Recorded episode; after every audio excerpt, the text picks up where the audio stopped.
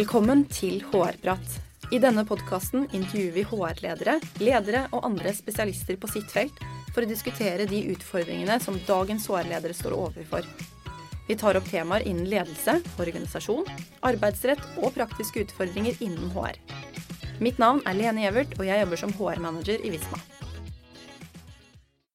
Velkommen til ny episode av HR-prat. Dagens tema er koronaviruset og hvordan dette påvirker store virksomheter. For å snakke om dette har vi invitert Ellen Marie Nyhus. Velkommen til deg. Tusen takk, Lene. Du har jo vært gjest i en tidligere episode, men til de som ikke har hørt den, kan ikke du fortelle lytterne litt om deg selv? Det kan jeg gjøre. Og forrige gang satt vi jo i studio sammen på Skøyen. I dag sitter du i et eh, sånn bøttekott og jeg på soverommet, så det, det er en ny situasjon denne gangen. Men jeg er da god gammel siviløkonom, tidligere revisor. Eh, jeg har jobbet med HR siden 2006. Først i EY, og så i Visma siden 2012. Og jobber nå med HR i Vismas største divisjon, som har ca. 5500 ansatte i tolv ulike land.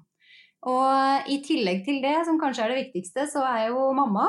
Mor til to små barn på snart sju og snart ti.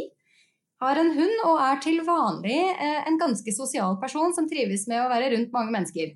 Som er litt vanskelig akkurat nå. Ja, nå er det snudd litt på hodet. Ja. ja.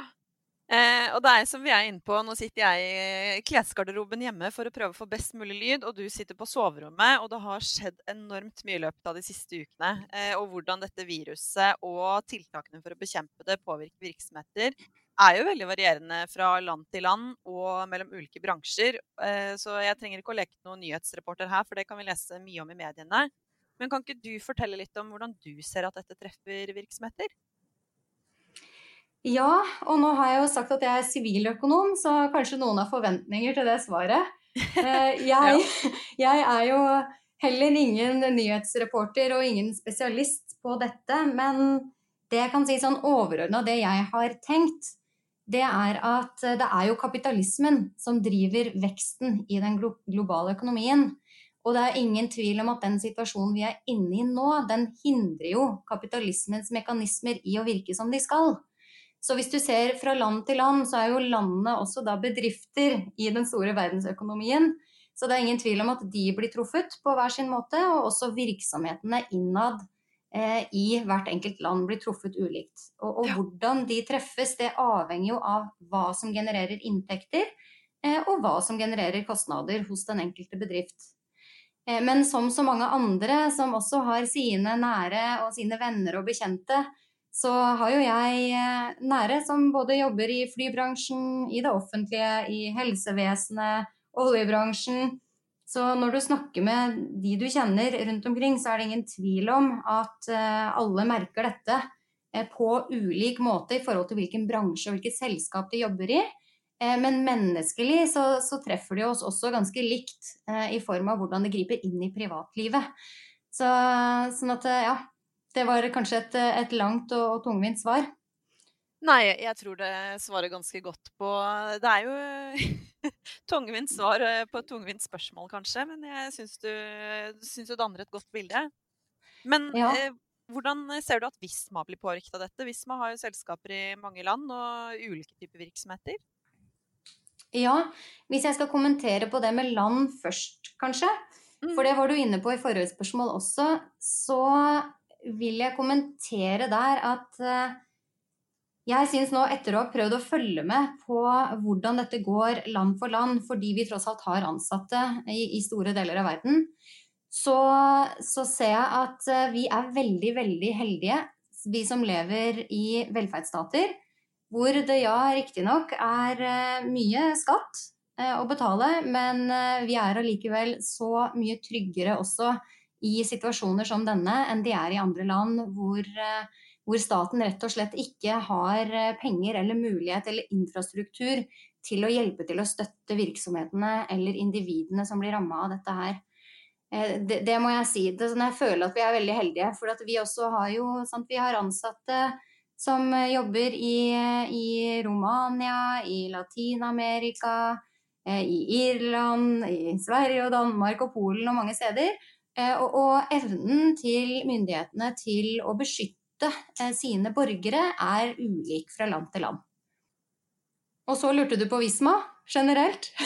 ja, egentlig. Altså, hvordan, ja. Fordi Visma har jo selskap i alle disse landene. Hvordan, mm. hvordan virker dette inn i Visma?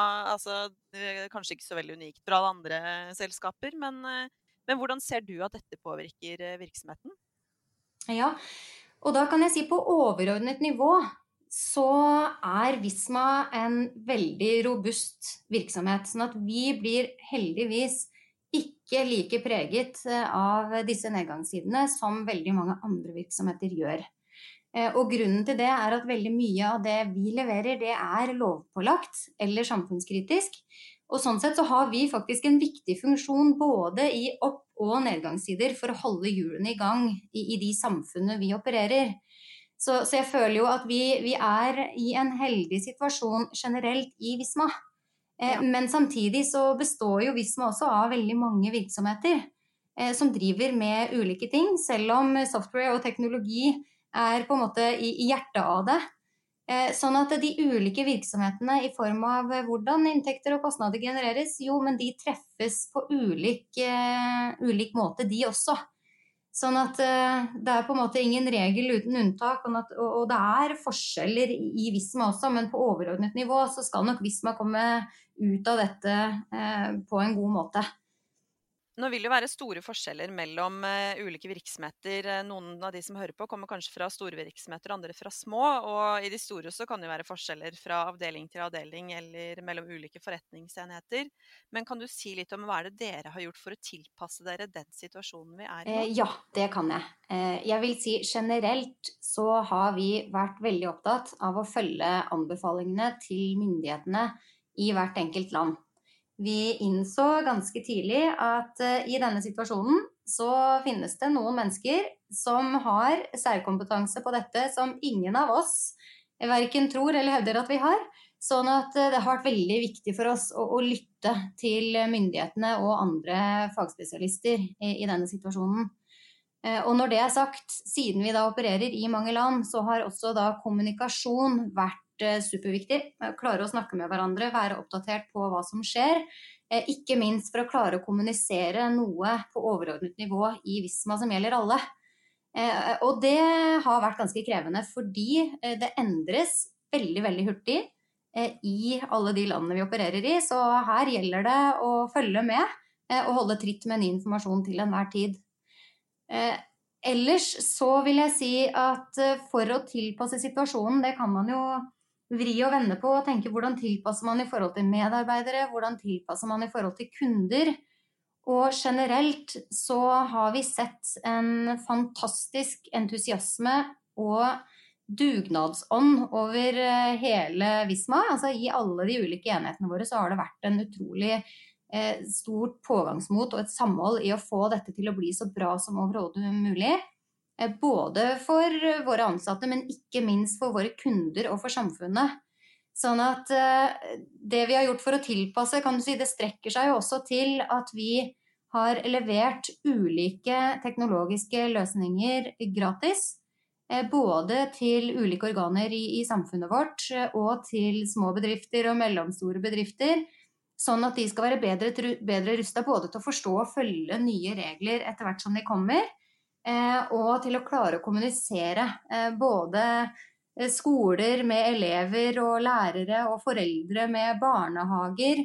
Vi har hjulpet til å, å, lage og tilby gratis nettsteder for de som nå trenger å selge varer og tjenester digitalt. Så jeg føler oppi dette så har vi tatt et ganske stort samfunnsansvar som jeg syns er, er, både riktig, men også jeg blir veldig stolt og, og litt rørt over alle de initiativene som nå foregår på tvers av Visma-enhetene. Mm. Men hva vil du si har vært det mest utfordrende i alt dette her? Jeg nevnte jo kommunikasjon. Eh, jeg tror når vi er så mange enheter som er så spredt geografisk, så vil jeg i hvert fall si i min rolle så har det vært en utfordring å, å, å klare eh, å holde alle alignet på den siste utviklingen som er relevant for dem. Det var, det var kanskje en større utfordring til å begynne med. Eh, nå som vi ser at dette kommer til å vare litt lenger enn det vi først hadde håpet, eh, så er det jo nye utfordringer som dukker opp. Eh, og da går det jo spesielt på dette med å ivareta individene og, og individenes behov i en ganske ny og, og litt krevende livssituasjon som den er for mange. Ellen, før vi avslutter, du har sikkert vært inne på noen av tingene gjennom samtalen vi har hatt nå, men hvis du nå skal gi HR-ledere som hører på, tre råd for å håndtere de utfordringene som de nå står overfor, hvilke tre råd vil du gi til da? Det er ikke veldig lett å svare på, men jeg skal prøve. Eh, jeg tror at det første rådet jeg vil gi, er å forsøke så godt det lar seg gjøre, og å føle at dette er den nye normalen, i en periode fordi det er så vanskelig å predikere hvor lenge dette vil vare, og hvilke tiltak som måtte komme. Sånn at eh, å opptre såpass business as usual som det man klarer i denne situasjonen, istedenfor å utsette eh, alt og avlyse alt, heller tenke kreativt og finne nye løsninger ut av en utfordrende situasjon. Det er det ene. Sørge for at bare hjulene fortsetter å rulle så godt som overhodet mulig. Og det andre vil nok være det å huske på at eh, vi kommer ut av dette på et tidspunkt også. Og å fokusere på det. Husk å balansere kortsiktige tiltak med et langsiktig perspektiv. Når dette er over, så skal også virksomhetene være så godt rustet som mulig til å sette i gang eh, og ha en god vekst.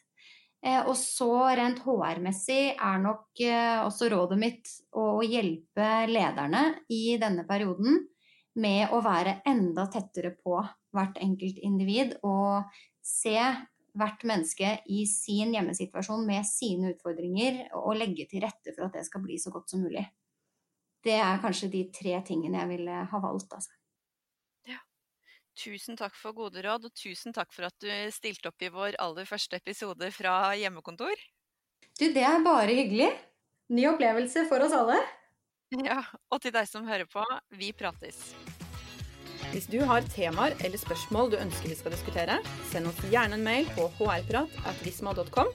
Og for flere episoder, sjekk ut visma.no slash podkast slash hrprat.